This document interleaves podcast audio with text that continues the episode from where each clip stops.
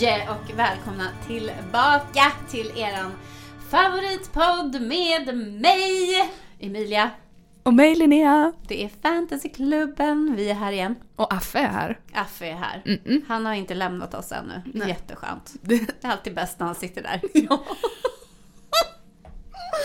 Det blir så stökig stämning annars. ja, det blir det. Ja. Vi ska kasta oss rakt in vidare. För eh, förra veckan började vi prata om Harry Potter. Mm. Och det visade sig ju att det fanns en del att säga. Mm. Ingen hade ju i och för sig trott något annat. Nej. Nej, eftersom Ingen. det visade sig att det var liksom ditt liv. Nej men alltså, ja. Ja, under en väldigt lång tid. ja. Ja, det var i alla fall super ehm, spännande att prata om. Och jag ser fram emot att fortsätta. Mm. Jag med. Gud, vi har inte ens pratat om att HBO ska göra en tv-serie också. Nej men alltså det är ju helt sjukt. Är Mm. det någonting som liksom... Det verkar som att det är Ja. en grej. Jag vet inte vad jag känner. Många Nej. känner ju att det är en för tidig remake. Jag känner väl kanske att... Kan man, kan man liksom tanka den? Ja men jag känner väl kanske att nu när jag ändå har börjat läsa böckerna och också efter vårt samtal som vi har haft Mm. har börjat förstå hur otroligt mycket mer detaljer det Mm. finsk. Eh, så känner jag ju ändå så här, men vad fan, go for it. De kanske kan, De kan peta in en hel del. ja de kanske kan göra liksom en lite grundligare Ja. story liksom. Och de kan ha en Sirius Black som är 30 år. Och en Hermione Granger som är liksom, Galen. ja. Ja. För att nu håller ju vi också på och tittar på eh, Harry Potter. Mm. Eh, och då har vi, vi har ju tittat på de första eh, fyra filmerna. Mm. Och sen så får inte Miguel titta mer för Nej. att det är för läskigt. Han sa också till mig häromdagen så här.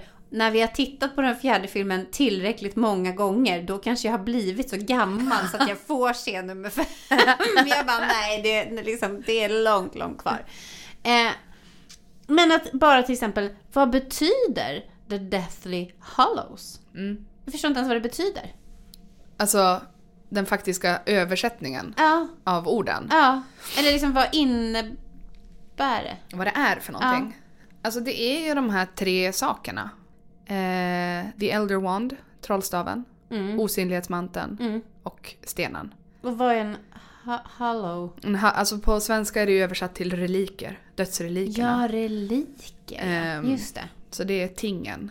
Eh, och det är ju som i den Mm. här barnboken, Mm. The Tales of Bill the Bard. Mm. Som berättar om tre bröder som möter döden. Just det. Och säger, äh, säger alltså de får gåvor av döden. Ja, just det. Ehm, och då får de de här tre sakerna. Ja, och den som har alla tre kan övervinna.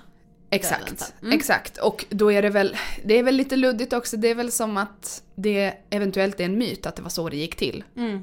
Att de verkligen träffade döden. Men är det inte lite rörigt också att de helt plötsligt börjar blanda in liksom en myt och massa reliker? Alltså är inte det lite rörigt? För att de har ju först den här grejen med alla de här jävla horcrux. Ja. Alltså Men det, det, kanske är det. ja. För mig har det nog aldrig varit rörigt. Jag har liksom bara ätit upp allting. ja, du har och just tagit att, det som det serverats liksom. Ja, och att grunden jag stod på var att jag hade läst alla böcker 25 gånger. Mm. Jag, eh, man var så pass insatt. Just det, det var helt självklart för dig. Ja. Men det var väl kanske också, det är ju också lite spännande för att man lär ju ändå säga att dödsrelikerna är en rätt stor grej att introducera i den sista boken. Ja, men det är det jag Mm. menar. Alltså för att det, nu har inte jag läst den sista boken på väldigt, väldigt länge. Men i filmen, alltså The Deathly Hollows, Mm. Ja. är ju uppdelad i två delar väl? Ja. Men, och där kommer ju Luna Lovegoods pappa, Ja. vad han nu heter, Xenophilius. sexigt namn, Xenophilius, han kommer inrockande där och berättar den här storyn ju. Mm. Och, och den känns ju jätte... Det är en jättestor grej liksom att lägga in mitt i den här storyn. Ja, det är det verkligen. Nej men för att man liksom, oh, okej, för då har det ju redan börjat hända grejer med den här uh, trollstaven ju. Mm. Och han har ju de här synerna, han ser den här Ann Grindelwald eller vad fan han heter som, ja. Nej men du vet, det är så rörigt. Ja, det är, det är lite av en bomb. Men det är väl också det som är grejen, att det är ju ingen som känner till de här grejerna. Nej. De ligger ju helt i det fördolda, det finns ingen som tror på det. Ja. Det är som en liten konspirationsteori. ja.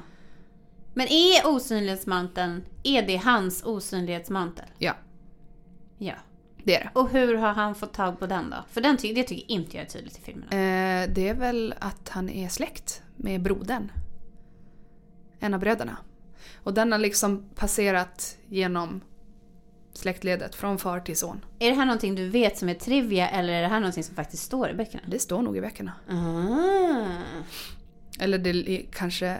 Jo men jag tror... För att han ärver ju den av sin pappa. exakt. Och han har ärvt den av sin pappa. Ja. Och han har förmodligen ärvt den av sin pappa. Ja. Så det tror jag att det är så. It's been passed down. Just det. Men han tappar ju också bort osynlighetsmanteln några gånger Ja. under tiden. Men han vet ju inte hur... För det säger de ju i sista boken, Ja. när de pratar om osynlighetsmanteln. Mm. Att de helt plötsligt bara, men vänta. Har någon av er någonsin sett en sån här osynlighetsmantel? För att vanliga osynlighetsmantlar kan vara så här, ja men det är en mantel som har fått en förtrollning som gör att den Mm. kamouflerar. Men de förtrollningarna slits ut efter ett tag. Mm. Men Harrys osynlighetsmantel är ju alltid lika bra. Mm. Ehm, och den kan ju inte liksom, den kan ju inte lyftas av honom med magi. Nähä, kan den inte? Nej. Den, Står det i boken? Ja. Ah. Jag tror att de kör Accio, Accio Cloak. Accio Och Harry bara nu flyger den av men Ah. den gör inte det. Ah. För att den är supermagisk. Mm. Ja, för det är fan döden som har levererat. Om, jag fick, om ja. jag fick välja en mantel så skulle det nog vara dödens. ja, ja. Absolut. Maxat. Men det jag undrar är också när han tappar bort den här manteln överallt och jämt och ständigt så får han ju alltid tillbaks den. Mm. Eh, och någon gång i, i ehm, filmerna så är det ju att han får ett paket och så Mm. ligger i- jämställ, jämställdhetsmanteln. jämställdhetsmanteln. Det hade varit bra om du hade haft en sån. Ligger där. Eh, ja, Ja, vem jag, har skickat tillbaks den då? jag tror det är Dumbledore. Igen? Mm. Ja. Eller? Igen? Han får den ju av Dumbledore Ja, men en julklapp. gång så tror jag att Dumbledore ger tillbaka den. Att han Ja. är såhär, ja ah, du behöver den här. Just det, så är det Den här ska du ha. ja. Mm. Håll reda på den här du. Ja. Ja. Just det. Mm. Men för hela den här grejen med The Elder Wand är ju otroligt förvirrande. ja, det är förvirrande. Har du lust att dra den? Men jag vet Alltså fan, according alltså. to lore. Vad vet jag egentligen om The Elder Wand? Nej men inte vad som du vet om den, men vad som hän- vad händer egentligen med det här att den svarar bara till den senaste? Och Ja, att- och det, Mm. och det är väl egentligen sant för de flesta trollstavarna. Mm, Det är så det går till med trollstavar. mm, Trollstaven väljer sin ägare mm, och sen tillhör den den personen. mm. Och det får man ju se när, Förutom när den blir då avväpnad. precis, då kan den byta eh, Lojalitet. lojalitet ja. Och det får man ju se när de har fått en massa trollstavar. Mm. Och vissa funkar inte bra alls. Mm. Men vissa funkar bra för att de har vunnit i strid. Mm. Och gett upp sin tidigare lojalitet. Mm. Så det är väl Det är väl samma sak där egentligen. Sen har Voldemort tolkat det som att man måste döda den tidigare ägaren Mhm. för att man ska få trollstaven. Mm. Men det är ju inte heller sant. Men för att det är då det här kruxet med att det är Draco Ja. som ska avväpna Så Dumbledore. nej, så här är det. Mm. I sjätte boken Mm. så avväpnas Dumbledore av Draco. Mm. Och sen dödas Dumbledore av Snape. Just det. De två sakerna händer. Ja. I sjunde Och boken... det är planerat ju. Alltså det, det, det har alltid varit planerat av Dumbledore att det är Draco som ska... Det är Draco som har det uppdraget. Ja. Men Snape har ju i uppdrag av Dracos mamma att hjälpa honom. Mm. De gör ju ett, han avger ju ett löfte. Just det. Ett han unbreakable vow. En unbreakable vow, ja, Precis. Mm. Och om man inte uppfyller det så dör han. Eh, så att, ja, dit var vi alltid på väg. Men Mm. så att Draco har avväpnat eh, Dumbledore. Mm. Snape har dödat Dumbledore. I nästa bok, Och då tror alltså Dumb- eller, ehm, Voldemort att det är Snape som har Dumbledores stav. för att han dödade Dumbledore. Ja. Exakt. Men då har alltså Dumbledore haft The Elder Wand. Ja. Det är ju ett frågetecken på det också då. Eh, nej, utan det är ju så att när han var ung Ja. och bodde i Godric's Hollow Ja. Så de hade det ju lite struligt hemma. Att hans pappa blev ju skickad till... Hans syster blev ju attackerad av mugglare. Dumbledores Ja. syster. Ja, Dumbledore- Hon som är på tavlan. Precis. Mm. Och eh, ha- hans lilla syster blir attackerad av mugglare. Mm. Eh, och hon blir djupt traumatiserad och utövar inte magi längre. Mm. Och det är jättefarligt för att då blir det liksom instängt, Mm. kan explodera. Mm. Eh, och så sen så får ju Dumbledore en ny vän. För att Grindelwald, en annan ung man, Mhm. kommer till byn för att bo hos sin släkting. Batilda Bagshot. Ehm, Mm. Och Ja, just de- det, som de är hälsar på där jag. Ja, och de, är, de är teenagers och blir kompisar. Mm. Eh, och eventuellt förälskade i varandra. Eventuellt lovers. Eh, ja. Är det tydligt i boken eller är det Eh, insinuerat? Nej, det är insinuerat och efteråt har ju J.K. Rowling sagt att hon alltid har sett Dumbledore som gay. Och jag tror att Ah. i Fantastiska Vidunder-filmerna så spelar de mera på romansen. Men jag har inte sett alla dem. Nej, det har inte jag heller. Nej. Strunt samma. Ja. Men de är tonåringar där tillsammans. Albus, Dumbledore och Grindelwald. Mm. De blir jättebra kompisar och de tycker ju att de är, de är ju tonårspojkar. De tycker att de är bäst, smartast, starkast. Mm. Och pratar ju om att de ska bli mäktigast och de ska underkasta sig alla mugglare och ta över världen. Mm. Och de blir ju också besatta av dödsrelikerna. Mhm. Och de vill ha trollstaven. Det är klart att de är, de är tonåringar. Det är klart att de vill ha den mäktigaste trollstaven. Mm. Och genom åren så hittar ju Grindelwald trollstaven. Mm. Eh, och i Fantastiska Vidunder, alltså Grindelwald var ju också en väldigt elak trollkarl. Mm. Eh, och han besegrades ju av Dumbledore. Han var tvungen att besegra sin då eh, eventuella liksom kär, livskärlek. Ja. Han, och då hade han, the, han hade hittat The Elder Wand, Grindelwald. Mm. Eh, Under tiden som han blev mäktig. Den? För det, det får man se i, Han hade i någon stulit den. sekvens. han hade stulit den av Ja. en eh, eh, Gregorovic. Just det. Trolltav, trollstavsmakare. Just det. Att jag kan allt det här. Nej, det här, ser du bara... För jag har inte heller, det är ju inte som att Det jag var keep... igår du tänkte på det här. Nej, och det är inte Nej. så att jag så här, äh, studerar det här så att jag ska komma ihåg Nej, det. det, Det här bara som ett rinnande vatten bara. Ni ska se Linneas ansikte när hon säger det här. Ja, precis. Men Gregorovic är ju ändå också med i filmerna i Ja. vissa sekvenser. Alltså en sekvens ju, när här, eh. Voldemort är där och liksom, vart är den? Och han säger att jag har den inte längre. Nej, för att För då har Grindelwald, Grindelwald stal den när han var ung. Det. Mm. Sen blev han jättemäktig. Sen besegrades han av Dumbledore. Dumbledore vann över honom i en duell. Det vill säga att hans trollstav blev Dumbledores. Jajamän. Och Dumbledore var väl typ så här: jag vet redan att jag inte kan ha den här absoluta makten för att jag kan inte hantera det. Nej. Lite som Gandalf när han bara, jag kan inte ta ringen. Jo, jo, men det finns väl absolut likheter Men- mellan Dumbledore och Så att han har ju den här trollstaven i lönndom. han, han använder den inte. Det är inte liksom att det är han Det är bruk- hans trollstav, Ja. men han använder den inte för att liksom underkasta sig människor eller Nej. för att få supermakt. Nej. Eh, så det är därför han har den trollstaven. Okej. Och i sjunde boken sen så besegrar ju Harry Draco Malfoy Mm. i duell. När de är hemma hos The Malfoys. Precis. Vilket betyder att Malfoys trollstav byter lojalitet till Harry. Ja, och och det- då på något sätt också så betyder det att Harry har besegrat Draco Ja. och Draco besegrade Dumbledore. Ja. Vilket betyder att i liksom nedåtstigande led så blir Harry the Elder Wands master. Ja, det, för det där är ju väldigt krångligt alltså. Ja, men det är lite det känns lite långsökt också.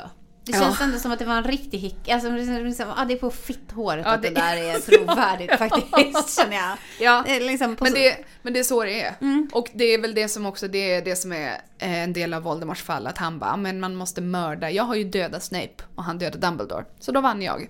Men det var inte så. Nej, för det är ändå ganska grovt ju att eh, alltså Voldemort är ju och liksom öppnar Dumbledores grav.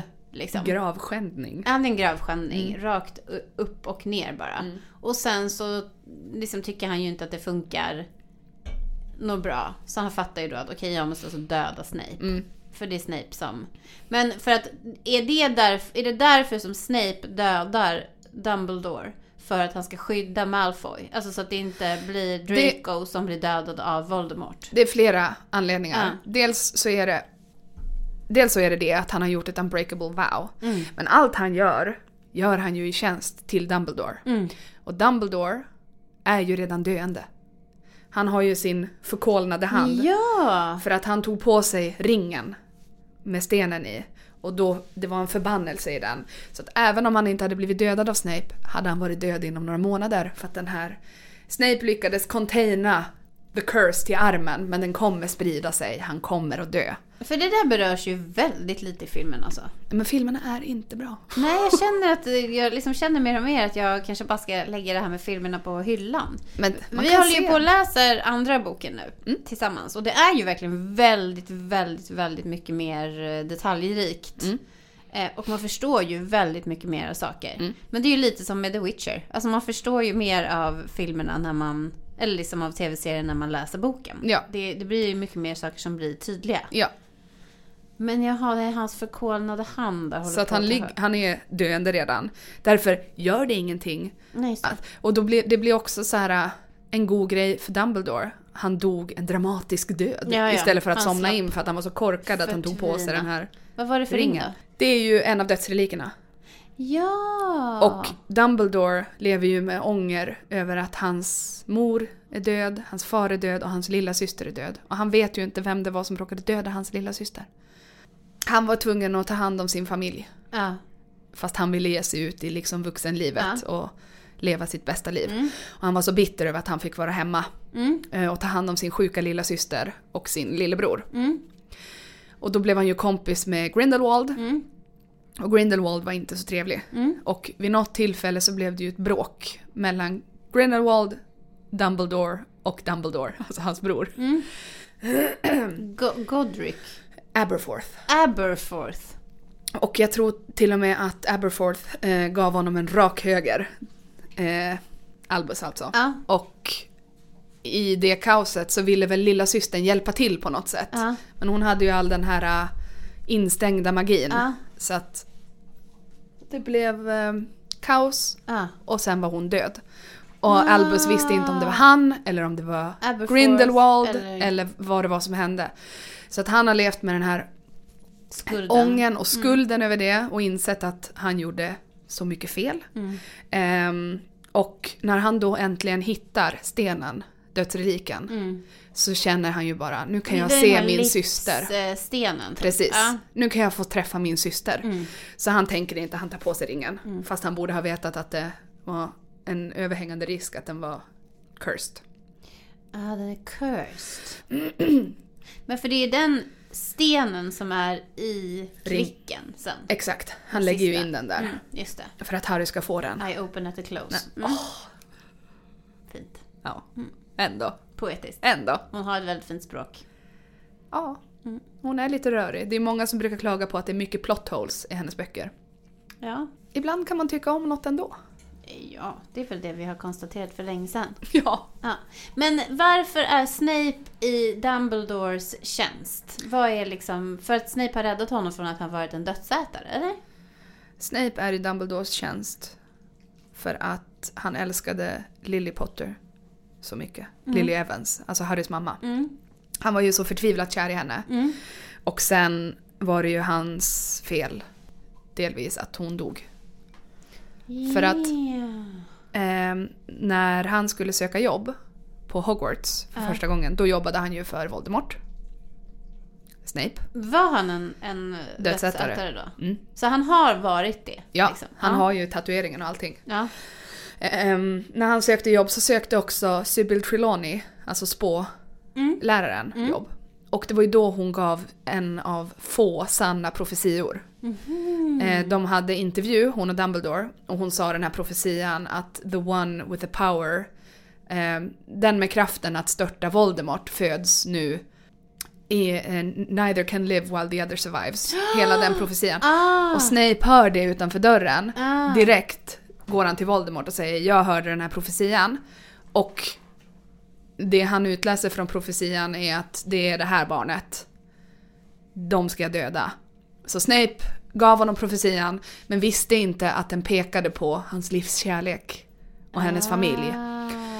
Så att han... Eh, Dumbledore säger väl till honom sen och bara ja, din, din jävla idiot. Ja. Nu får du fan jobba resten av livet med att Make liksom it make it up. Ja.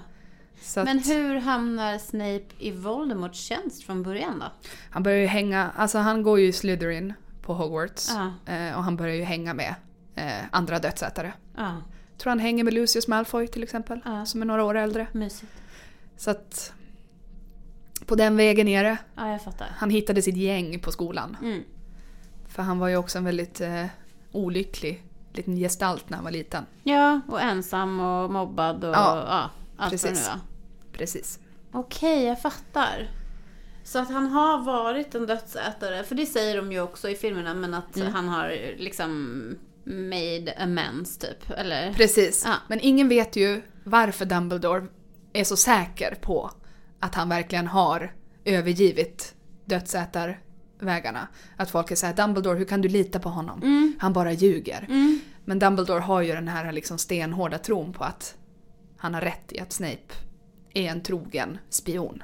För att han vet att han älskade Lily Potter över allting annat och att han vet att det var hans fel att hon dog. Mm. Eller att han var en del av den liksom. Den eh, utlösande katalysatorn kan man ju säga ändå. Kan vi ju säga. Ja. Och det är också intressant för att den här profetian kunde ha syftat på två barn. Den hade också kunnat syfta på Neville Longbottom. Mm. Det var ju Voldemort som valde Harry Potter. Mm. Det hade inte behövt vara han. Är Neville Longbottom och Harry Potter, de är exakt lika gamla eller? Ungefär, de fyller Ja. år samma årstid. Mm. Så det var ju synd för Harry Potter. Mm. Men de hade ju ihjäl Neville Longbottoms... Nej, de blev galna. Ja, de torterade dem Mm. med Cruciatus-förbannelsen. Så de sitter på Saint Mungus. Gör de? Ja. Aha! I femte boken så blir ju Arthur Weasley, Ja, alltså pappa Weasley, Ja. attackerad av en orm. ja. Och då blir han inlagd på Saint Mungus. Och då Just. åker de och hälsar på. Det här är inte med i filmerna.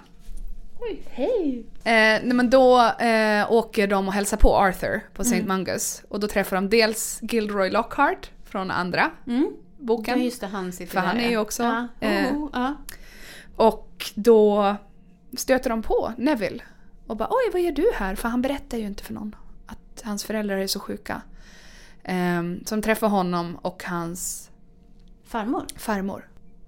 Jaha, okej, så hans föräldrar är inte döda då, utan de är, alltså, de är i livet men de sitter där. Mm. Gud vad tragiskt. Det är sad. Ja, det är riktigt tragiskt. Men alltså, jag tycker ändå när jag hör det här så kan jag ändå verkligen förstå att de här böckerna har blivit en sån jävla succé. Det är ju så sjukt mycket spännande. Ja, det är det. Och de är... Det är bara så spännande. Varje bok har ett eget mysterium och en egen twist. Mm. Alltid en twist. Det är som... Jag älskar ju att läsa deckare när jag var yngre. Det är som en magisk liten deckare. Jo men det är det ju verkligen. Men sen är det ju också fruktansvärt mörkt. Ja, Och det här var vi ju inne på. Vi hade ju ett långt samtal om det här när Ja. vi pratade om ondskan ju. Mm. Att liksom hon ryggar ju inte undan för att beskriva saker som verkligen är riktigt fruktansvärda. Mm. Finns det någon liksom Finns det någon teori om det eller något samtal om det liksom? Jag vet inte. Du nämnde väl att hon, att hon var deprimerad? Ja, Jag vet faktiskt inte. men jag tänker liksom ändå för att de är ju ändå pitchade på något sätt som barn Mm. och ungdomsböcker. Mm. Men de är ju ändå liksom brutalt hemska. Ja, det är de. Jättehemska. Och det är så... Harry Potter har inte lätt alltså. Nej, för fan, han är ju utsatt på riktigt. Men det är mitt bästa med... När jag var tonåring så var ju Ron Weasley min favoritkaraktär. Mm. För att han är funny guy. Mm. Jag relaterar alltid till en funny guy. Mm. Eh, och det är ju också en grej med filmerna att nästan alla Rons bästa repliker i böckerna Mm. får ju Hermione säga i filmerna. Mhm. Ron är liksom ingenting i filmerna. Nej. Han är rätt taskig också i böckerna, men skitsamma. Men eh, om jag skulle välja en favoritkaraktär nu så är det ju Harry Potter. Mm. Alla dagar. Mm. Jag tycker också att han är en väldigt fin karaktär. Alltså de här två böckerna som vi har läst nu, liksom, han känns ändå som att han är väldigt så här.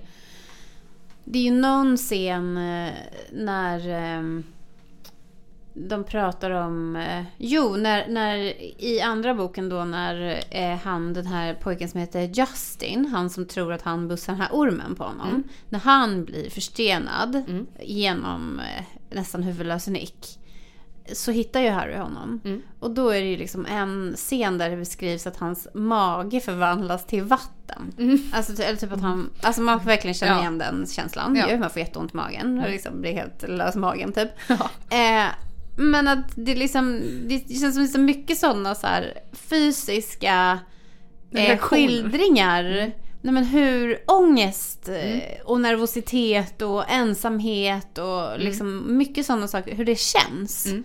Och det är ju också väldigt fint tycker jag, när man liksom läser med ett barn också. Så här, hur känns det att bli så här rädd och få så här mycket ångest typ? Mm. Det är jättefint. Men man samtidigt bara tänker så här, han, han bär ju runt på alla de här grejerna själv. Helt själv. Ja. Han är så ensam. Ja, men de enda två personerna han har i sitt liv är ju också två andra barn. Mm. Det är så hemskt. Och tänk Ja. liksom innan han bodde hos sin moster och morbror. Ja, men det var ju någon beskrivning också att han får så en tandpetare i julklapp. Mm. Men då kände jag liksom, nej men det här är ju nästan, det här är ju överdrivet. De har skickat en toothpick Nej, men det är honom i julklapp. Eller typ så här 50 öre. Ja. God jul. Nej men det är liksom helt, det, alltså det är ju riktigt, riktigt sjukt. Det är hemskt. Så det, men ja, jag vet inte. Jag tycker på något sätt att det är, um, är coolt att liksom inte rygga undan från det mörkret. Samtidigt som det också är ju lite skruvat. Mm. Alltså man kan känna så här, men vad, När är det nog? ja vad är det som ligger bakom liksom? Mm. Eh, och att det är ju jättehemskt. Alltså jag vet inte hur det är i böckerna då, för jag kommer inte ihåg. Men att på slutet att han bestämmer sig för att han, han inser att han måste dö. Liksom. Det är... Det var en helt traumatisk läsupplevelse. Ja. Jag längtade och längtade efter den här boken, jag köpte den och så plötsligt vänder man sida och så bara I'm about to die. Och jag bara, vad fan är det du säger? Hemskt. ah. Mörkt. Men du var inte kär i Harry Potter? Nej. Nej. Jag var tvungen att sänka. Nej, det var jag inte. Nej, det var Cedric Diggory for you. Ja, speciellt när filmen kom då. Ja. Men också, alltså det här mörkret också, att det kom så smygande tycker jag. För att när man läste Goblet of Fire för första gången och första karaktären dog. Det var ju såhär, man bara... Får hon göra så? Mm. Och så nästa, Sirius Black, man bara... Va? Och så sjätte boken, da, alltså det, var, det blev bara värre och värre och värre. Mm. Hemskt. Nej, men jag håller med. Det händer ju någonting där i Goblet of Fire som liksom förändrar tonen så radikalt. För att Goblet of Fire är ju också en väldigt, väldigt, det är ett väldigt spännande upplägg med den här magiska trekampen och... Ja, men eh, det är liksom- så mycket härligt och kul att de Ja. går på quidditch, Ja. de går på bal, Ah. det kommer nya alltså, elever från andra skolor. I snygga kläder. Ja. Och att det är så kul och det känns färgglatt och härligt och så sen så bara, nej men vänta. Och det, är mest- väldigt så här, det är väldigt bjussigt liksom vad den här världen kan liksom innehålla Mm. eh, för kul. Samtidigt som det också bara är så här, ja den eleven som lägger sitt lilla namn här i den här eh, bägaren, den kan ju dö. Och jag har tänkt så mycket på det där. Att så här, ja men de som är med måste vara med. Det är liksom ett bindande kontrakt. Mm. Och då är jag så här, ja. Men hade de inte kunnat säga åt Harry Potter bara, jag är ledsen Harry men du får göra ditt sämsta. Gå in och lägg dig bara. Alltså i varje deltävling. Tävla inte. Utsätt dig inte för risk. Gå in till draken och säg, åh nej det går inte. Jag måste avbryta. Men det är inte så det funkar i trollkarlsvärlden. Uppenbarligen inte. Men det är ju för att det finns magi. Alltså det är ju också för att det, det är ju någonting magiskt med att det- liksom det är något mag, alltså det är en högre makt som styr ju. Och den styr ju även över de här vuxna och liksom över allting. Den, den liksom, den, om du ska vara med i den här trekampen då finns det inga förmildrande omständigheter för att det är magi. Du har ingen val. Nej men om du går in och gör ditt sämsta då kanske du blir struck down. Det vet man inte. Man vet ju inte det. Det är ju det. Så att, ja, ja det, det är ju väldigt, det är hela boken har ju liksom en loose canon. Ja. Eller det är väl att J.K. Rowling helt enkelt är en loose canon. Det är hon. Ska vi komma fram till det nu? Ska vi prata om det? Men innan vi går vidare och snackar lite mer om författarinnan till det hela. Så alltså jag är också lite nyfiken på Voldemort. Mm. Vad liksom, what do you make of Voldemort? Ja. Han är väl bara the, the big classic bad. Ja. Rätt endimensionell på det sättet. Men eh, alltså det, här kanske är en jättekorkad fråga men också å, återigen då baserat på böcker och film och allting. Alltså han, det är Tom Riddle Mm. som är Mm. eh, Voldemort. Ja. Och hans namn är bara någon typ av liksom akronym eller vad fan det heter. Ja. Ett taget gött namn. Mm, han är bara, I am Lord Voldemort.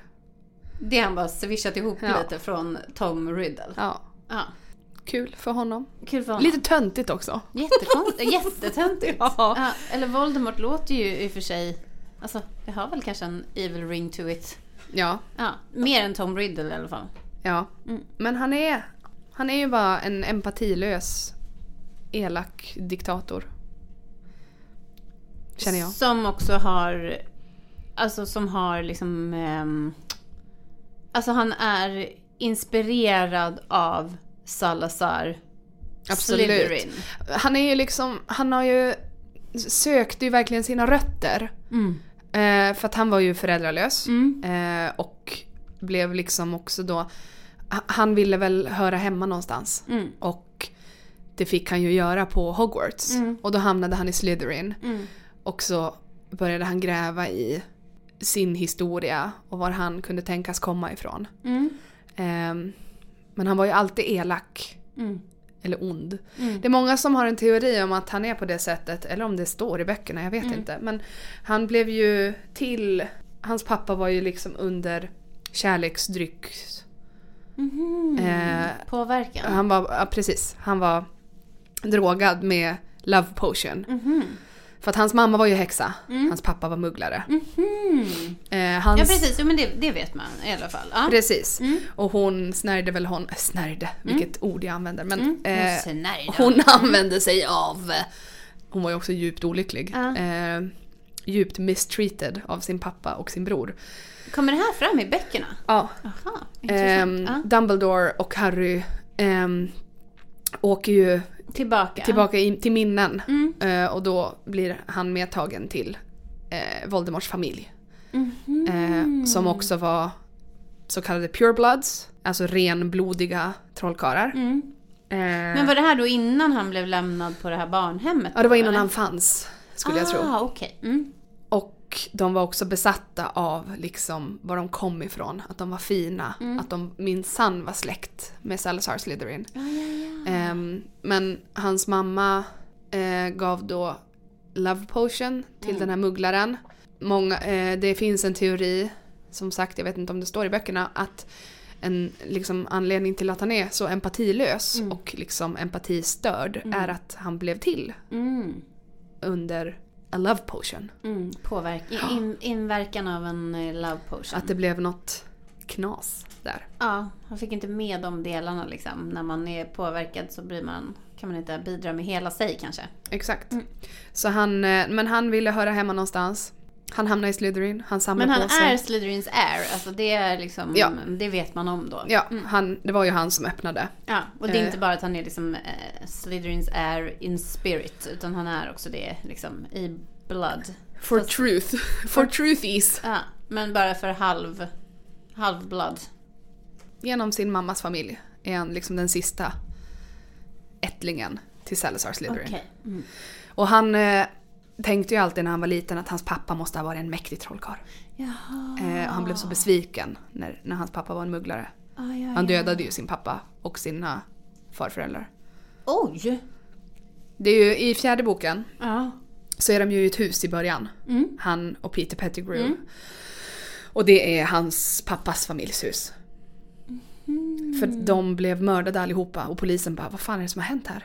Hur har de dött? För att de Mm. blev dödade med magi. Mm. Så de bara mystiskt.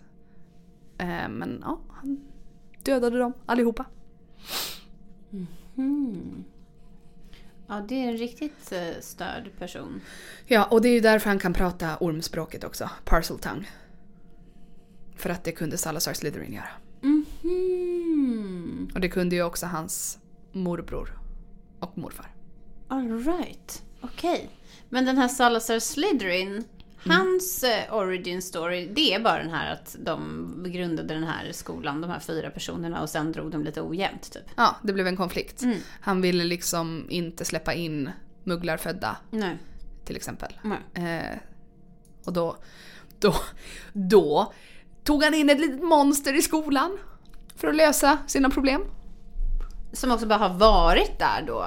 Ja, Sen chilla, dess. chilla lite, Chillat runt. sovit. Ja, gullan. Ja, nej men bara liksom hängt där. Ja, Ja. inga problem. Kanske gick i ide i 50 år. ja, men det måste ju varit något sånt. Ja. Hibernation. Ja, det tror jag. Ja. Men i den här kammaren då. Ja. Så den har inte drivit runt i rören för alltid. Utan den har ju bara varit i kammaren och sen öppnade han kammaren. Ja. Och, eller sen öppnade Ginny Weasley Ja. kammaren. genom- Undrar om det är så att den vaknar när man öppnar. Och Var får Malfoy den här dagboken ifrån då? Från början? Sin pappa. Eller så här är det. Eller menar du pappa Malfoy? Pappa Malfoy. Ja. Eh, Voldemort har gett den åt honom. Och sagt typ den här ska du vakta. Och han ger ju Helga Hufflepuffs cup till Bellatrix. Ja. Och säger ni måste vakta de här. Mm. Och det gick ju inte så bra eftersom att Lucius Malfoy vid första tillfället gav den till Ginny Weasley. Ja. Mm. Och det var inte part of the plan? Eller Nej, måste... absolut inte. För att den, den dagboken innehöll ju en del av Voldemorts själ. Men det visste ju inte Lucius Malfoy. Han tänkte väl bara det här är ett riktigt jävla ondskefullt redskap. Det ska jag ge till Arthur Weasleys dotter så att de får skämmas lite. Jaha. Eller att...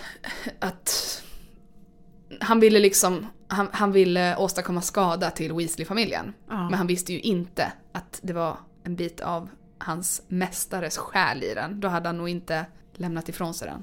Intressant. Men det känns ju som att eh, Voldemort, han är tyvärr omgiven av idioter. Ja, Ja. och han är en så här karaktär som inte litar på någon.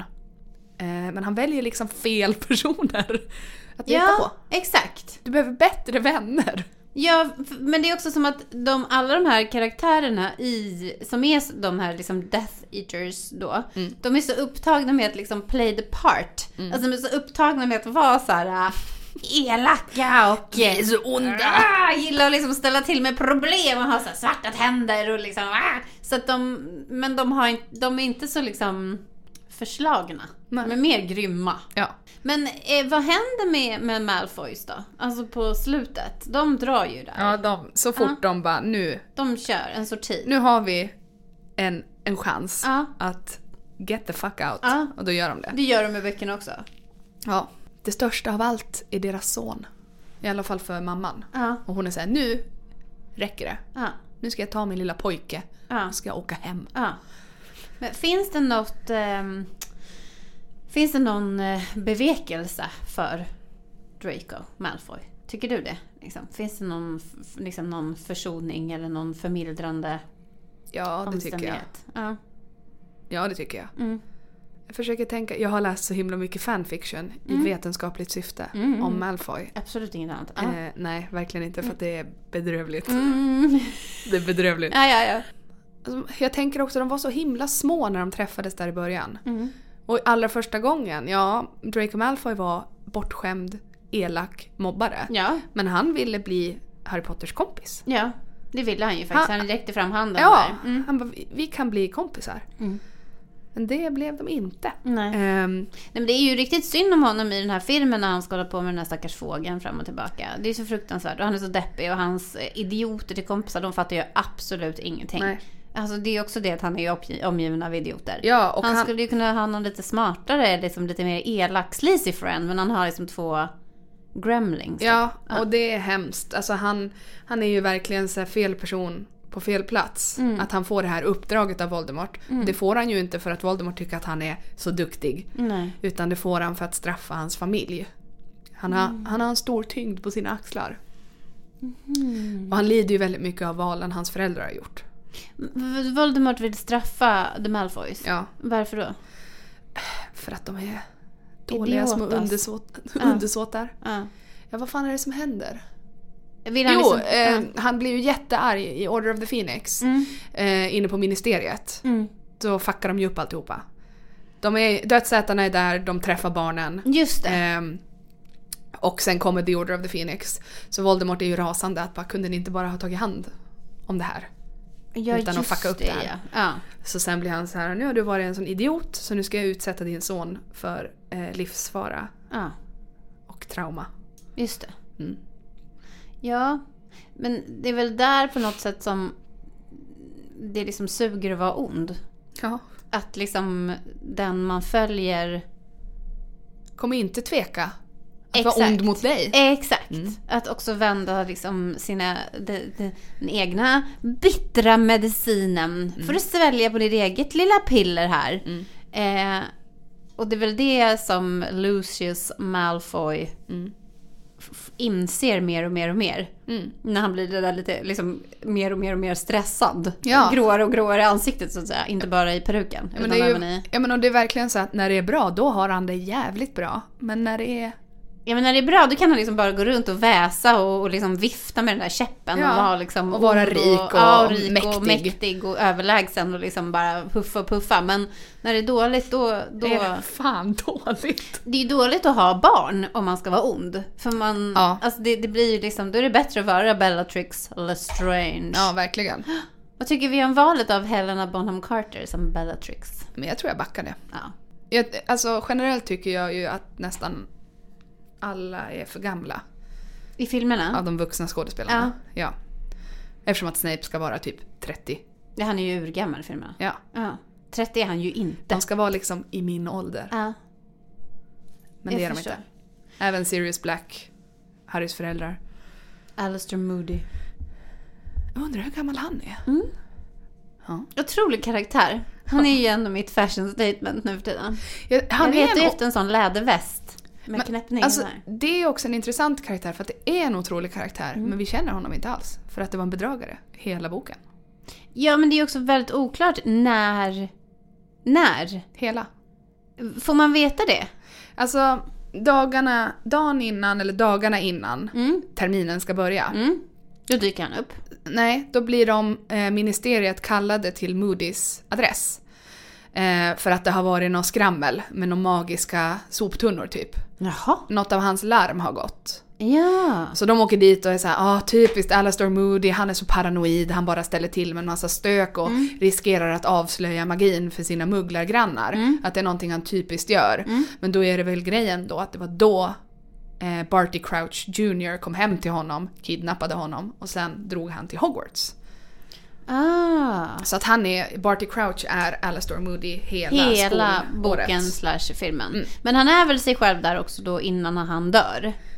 Alltså Ja, när han... det är. Ja, när Det han blir... När de åker på de här äh, motorcyklarna eller vad fan det är han far omkring på. Kvastarna eller... Kvastar Ja, motorcykel och testraler. Testra, exakt. Då, för då dör han ju och då är han väl ändå sig själv Ja, en ja. liten stund. Ja. Jo men det är ju lite konstigt faktiskt att man inte känner honom för han är, känns ju sympatisk. Alltså han är ju kul. Men han känns som en gedigen karaktär som man känner och sen bara, nej. Det Nej. var någon som lajvade honom. Ja, men också Polyjuice elixir så himla äckligt att ha i en plunta.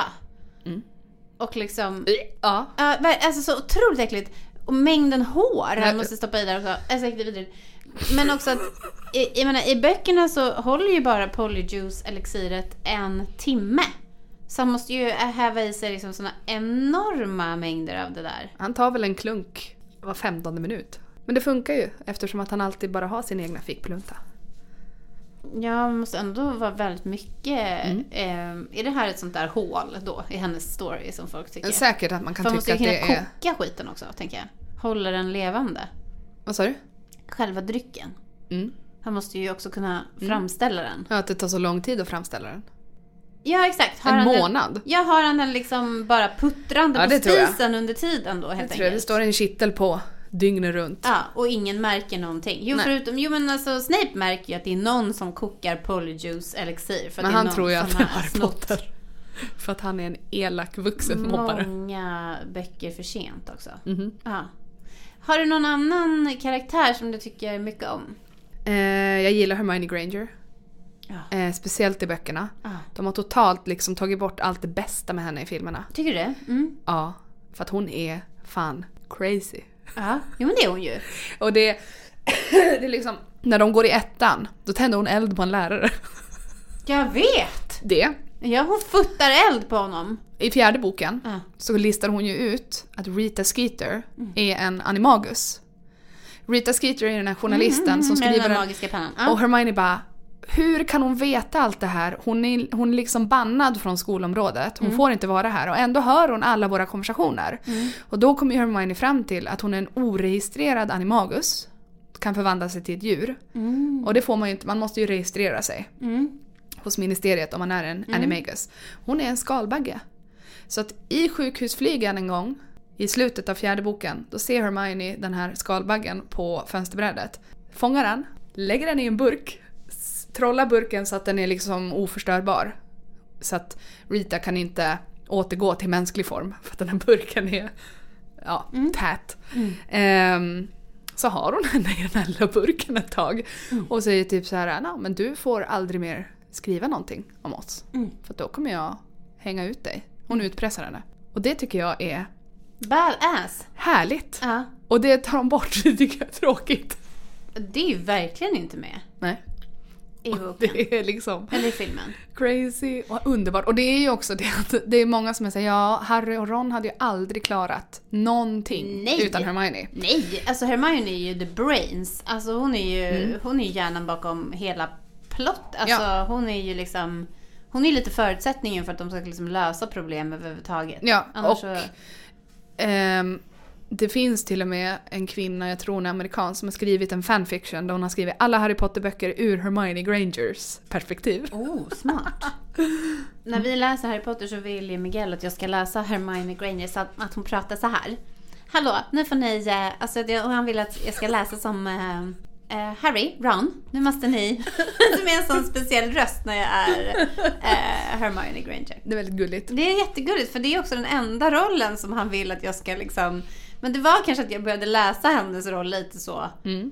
av mig själv typ. Och sen så sa han så här, kan du läsa sådär roligt som hon pratar? Älskar. Ja, det är ju jättegulligt tycker jag.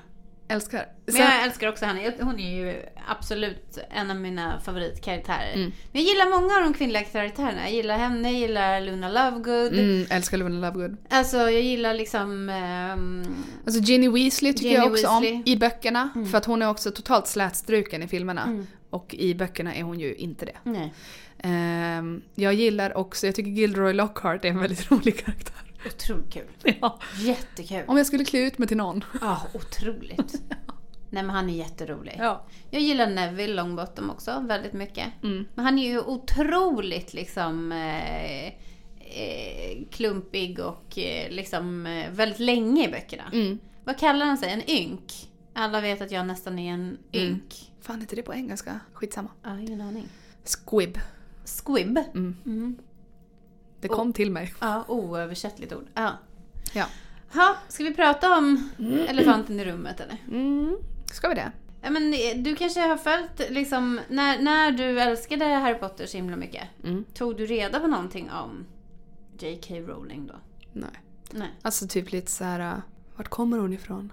Alltså jag visste såna saker som alla visste. Åh, det här kaféet brukade hon sitta och skriva på. Mm. Och så visste jag att hon hade, jag tror att hon har erfarenhet av att leva i ett abusive relationship. Mm. Och depression. Mm. Och att hon var väldigt fattig när hon började skriva böckerna. Ehm, men annars visste jag inte mycket. Nej.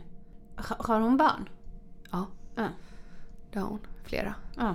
Två eller tre. ja. Eller fyra eller fem. Jag vet inte. Som har liksom växt upp med det här då antagligen. Ja. Ja. Men det som har hänt med henne är att hon har skapat så otroligt mycket kontrovers. Mm. Precis. Hon har ju twittrat. Hon har gått loss eh, på Twitter. Ja, hon har twittrat till förbannelse. Har hon Ja. gjort. ja. Men det började väl med ehm, att hon ifrågasatte att någon sa människor som menstruerar. Istället för att säga kvinnor som menstruerar. Mm. Och då skrev hon en tweet som var så här. Hmm, människor som menstruerar. Jag tror att det finns ett ord för det. Mm. Ehm, Kvinnor. kvinnor, ja. Och sen liksom fortsatte den där bollen bara att rulla. Ehm, och hon skrev ju ett helt manifest på sin hemsida, tror jag. Och ja, hon har liksom gett uttryck för väldigt otrevliga åsikter. Jag har, inte, Transfobiska åsikter. ja, jag har inte följt det här jättenära. Eh, för att jag, när det här kom ut, det var typ 2020 tror jag Mm. blev jag genuint besviken. Vilket jag fattar är orimligt. För att hon är en människa. Alltså, man ska inte höja upp någon på något sätt. Men jag tyckte det var tråkigt. Jag tyckte att det var så pass tråkigt att jag kände att det inte var lika kul att läsa böckerna längre. Du fick avsmak liksom. Ja, jag tyckte det var tråkigt. Och då har jag inte ens satt mig in i det så mycket. Utan det är min reaktion på att så otroligt mycket människor blev djupt sårade Mm. av det. Hon kom liksom ut som en turf typ. Alltså, må så vara med liksom exakt vad hon har sagt eller exakt vad som har liksom eh, sagts. Det man kan säga är väl att det är liksom djupt problematiskt att gå ut, att vara så känd och ha en så ändå stor mediaplattform Mm. eh, som hon ändå har. Mm. Och gå ut och liksom diskriminera och stampa på en grupp som man redan vet har det liksom otroligt svårt. Ja, och att hela tiden liksom gräva ner hälarna. När folk bara, det gör ont, det skadar att du säger så här. Mm. Men att hon ändå tycker att det allra viktigaste är att få säga exakt vad hon tycker. Mm. Ja. Nej men det är ju... Jag förstår verkligen att du blev besviken. Jag tycker på något sätt ändå att det också är liksom mänskligt att hålla människor man beundrar Ja. i, i liksom ett... Alltså hålla dem till ett högre ideal. Ja. För att så här, jag tycker att oavsett... Alltså självklart är ju vad man tycker som människa relevant. Men det blir ju mindre relevant om man som privatperson tycker någonting. Alltså mellan dig och mig. Ja. Än att man har ett väldigt stort medialt utrymme. Och liksom vägrar att se någon typ av försoning. Eller liksom vägrar också att förstå. Och också att så här, eh, att man också inte faktiskt ser eh, Alltså man ser inte, mm, vad ska man säga, den, vad ens liksom skadliga åsikter faktiskt orsakar. För att eh, liksom syftet med det hon säger är kanske en sak. Men åverkan blir helt brutal för att den liksom hamnar på en grupp med människor som redan är otroligt utsatta. Och som liksom och att ju mer som du säger att hon gräver ner hälarna och liksom måste få någon typ av sista ord i det. Desto mer oförsonligt blir det. Det har liksom för länge sedan lämnat vad hon anser vara sakfrågan. Typ. Det, har blivit, det blir ju liksom bullying Mm. på en sån nivå. Liksom. Mm. Eh, men hur har det känts liksom med den så här, eh, vad ska man säga, att det har känts mindre roligt? Alltså, att, ja, och jag bara jag vill inte läsa dem något mera. Nej. Sen så för något år sedan så läste jag dem igen och blev så förvånad över att det fortfarande var underbart att läsa böckerna. Mm. Och det, det är också jo- alltså, eller jobbigt, men det är så här, ja fan. De är i, i mig, Mm, verkligen. mm, Så det var tråkigt, men nu är jag mest så här att jag, jag var på, jag köpte ju inte det nya Harry Potter-spelet. nej. Kände jag bara nej. Jag är inte så sugen på det, att jag vill ge henne några pengar. Mm, Det eh, vill jag undvika. mm, Jag skippar det. Mm. Jag var på science fiction-bokhandeln och hittade helt otroligt fina utgåvor av Harry Potter. mm, Som är som pop-up bö- böcker. Mhm. Alltså de är så fina. mm. Jag bara, nej. Nej, Jag behöver inte ha dem. nej. Jag har mina gamla böcker. Ja. Det är gratis att läsa dem. Ja. Alltså jag tycker ändå att det är värt någonting liksom att diskutera det på det här viset. Mm. Alltså även fast det kan ju vara, alltså jag är ju inte så insatt i frågan. Eh, och jag har faktiskt inte ens hunnit liksom öppna internet och läsa på Nej. om ämnet idag innan jag kom hit. Eh, det kanske jag borde ha gjort men det har jag inte gjort. Men att jag tycker ändå att det är relevant att säga att om jag accepterar inte det här, det påverkar hur jag känner för verket. Mm. Det är liksom, alltså mycket mer än att inte göra det. Mycket mer än att säga ja, ah, jag tycker hennes åsikter är, är um, osmakliga eller kom, liksom olämpliga eller idiotiska eller whatever. Men Mm. det påverkar inte hur jag känner för verket. Mm.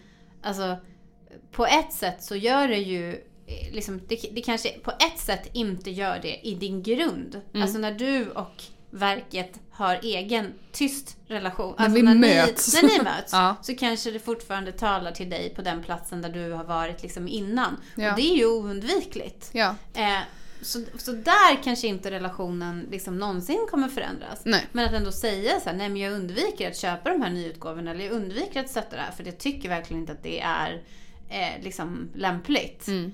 Det tycker jag ändå fan har något alltså. Mm. Och det är som att mitt Harry Potter-fan är mer sovande nu för tiden. Men jag är chockerad över vårt samtal nu. Jag att jag kan så Jag mycket. med. För att jag eh, tänkte, jag har släppt det där nu. Mm. Men det är vissa saker, speciellt saker, som man tar del av när man är ett litet barn. Mm. De eh, slår rot. Mm. Och blir tydligen kvar där. Ja. Som Gregorovic. Som Ja, jag det var riktigt sjukt faktiskt. Ja, det var breathtaking var det. Det var liksom... Ja, och liksom... Det är ju otroligt vad som händer i en när man blir sådär uppväckt Mm, av någonting. mm, Alltså det är ju som... Jag har tänkt mycket också på det i relation till Belgarion. mm. Att när jag tänker på Bulgarien-böckerna så känner jag mig kär. Ja. Underbart! Men är inte det konstigt? Är underbart.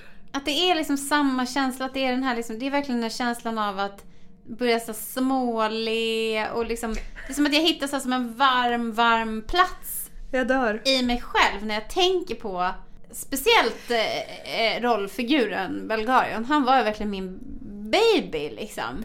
Och jag menar det är ju, ja vi läste ju, eller liksom vi pratade ju om Eddings och alltså jag var ju chockerad Ja. vad som kom fram om Mm. honom och, Mm. och liksom. Men det är ändå så att jag liksom verkligen känner den där, alltså det, det är ju en känsla Alltså det är klart att jag inte behöver gå runt och vältra mig i den. Nej. Jag behöver inte läsa Bulgarien varje dag. Det skulle jag inte stå ut med heller för den delen. Men alltså jag behöver ju inte liksom eh, så rekommendera den till varenda jävel. Vilket jag verkligen inte gör heller. Alltså det är inte, men, men när jag tänker på det. Hur, hur jag, eller liksom, så kan jag verkligen hamna i att jag känner mig som att jag är kär. Alltså, vilken ynnest det är att vara människa och känna sig kär i en saga. Mm.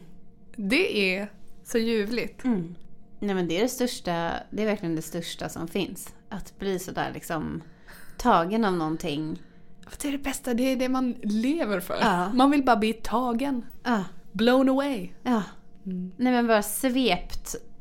Åt Swept helvete. off your tiny fantasy feet alltså. Det är ju det man vill. Det är det man vill. Ja. Och jag är så glad att jag blev det av Game of Thrones för två år sedan. Ja. Ja. Hur Helt gammal man än är kan man bli Swept. påkörd av en saga.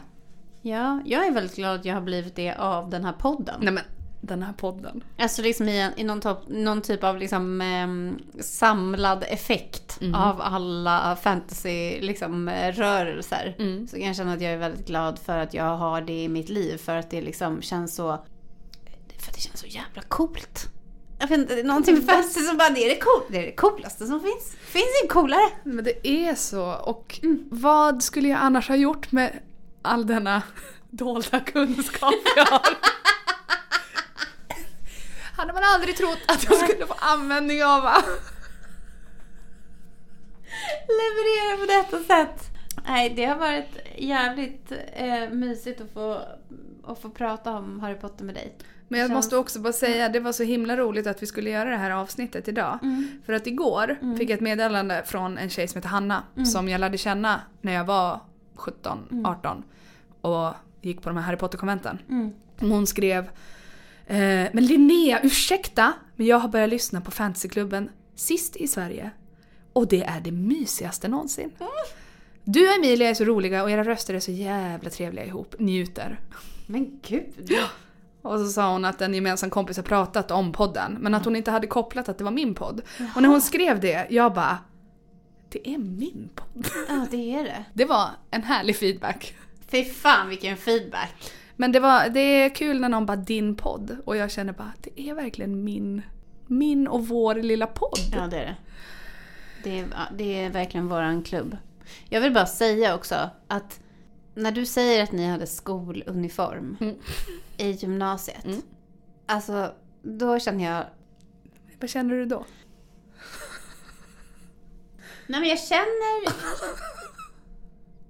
Alltså jag, jag känner att liksom när jag gick i gymnasiet så liksom drack jag ju liksom sprit och knö med olika liksom killar. Alltså det var ju, alltså så här, det, det, var ju, det var ju mitt största intresse. Nej men alltså jag lekte hela gymnasiet. Ja. Jag gick estetmusikal Ah. och i våran skolbyggnad, det hände någonting där att de flyttade alla program från min skolbyggnad till en annan skolbyggnad. Ah. Så att det var bara estetprogrammen och samhällsprogrammet kvar. Mm. Så att det var ingen som dömde oss för det Nej, heller. ni hade fritt liksom. Ja. ja. Så det var det, det var det vi gjorde. Nivån på oss som tonåringar var perfekt. det var perfekt. Mm. Nej, det finns inget bättre. Jag har inte hört något bättre. Vet du vad? Eh, om jag skulle säga att om jag önskar någonting. Mm. Alltså jag brukar ju säga så här, jag har en enda önskan för Miguel. Mm.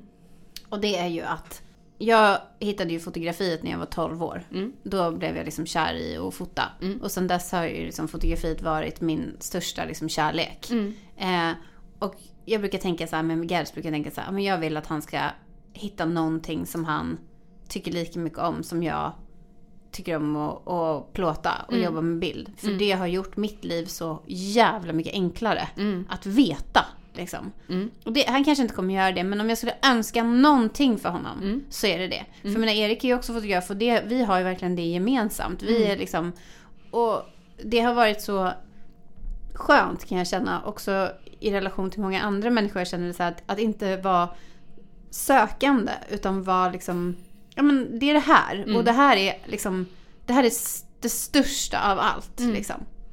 Så det har jag tänkt så himla mycket att så här, men om det är någonting jag önskar för honom så är det liksom det. Att han ska hitta någonting Mm. som han känner som jag känner för fotografiet för. Men jag önskar också att han ska få vara sig själv Mm. och vara liksom, känna stolthet och liksom trygghet Mm. och lugn i det. Mm. Och få vara det utan att vara utsatt. Mm. Och där tycker jag att du ger mig så sjukt mycket inspiration. För jag har aldrig träffat någon innan tror jag som har liksom ja, men varit sig själv på det viset som du har och liksom ja men så här också varit så himla avväpnande och varm och smittsam med det. Så att du liksom tar med andra människor på den här färden. Och jag förstår att folk inte har varit liksom taskiga mot dig. För att jag tror att de bara har velat vara med dig Det i det. Liksom. finaste någon någonsin har sagt Ja, till mig. men så känner jag. Jag vill vara med dig. Jag älskar dig. Jag älskar dig. Tack för idag. Tack för idag. Du är bäst. Du är bäst. Den här podden är inspelad av Afshin Tamori. Våran logga är gjord av Lisa Bänk. Och våran låt är skriven av Jakob Ljungberg. Och det är fan jag som har klippt. Yes, det är det. Tack för idag. Hejdå. Anna Marie. Mm. Jag älskar dig. Jag älskar dig. Du säger så fina saker till mig. Jag blir helt tagen på sängen.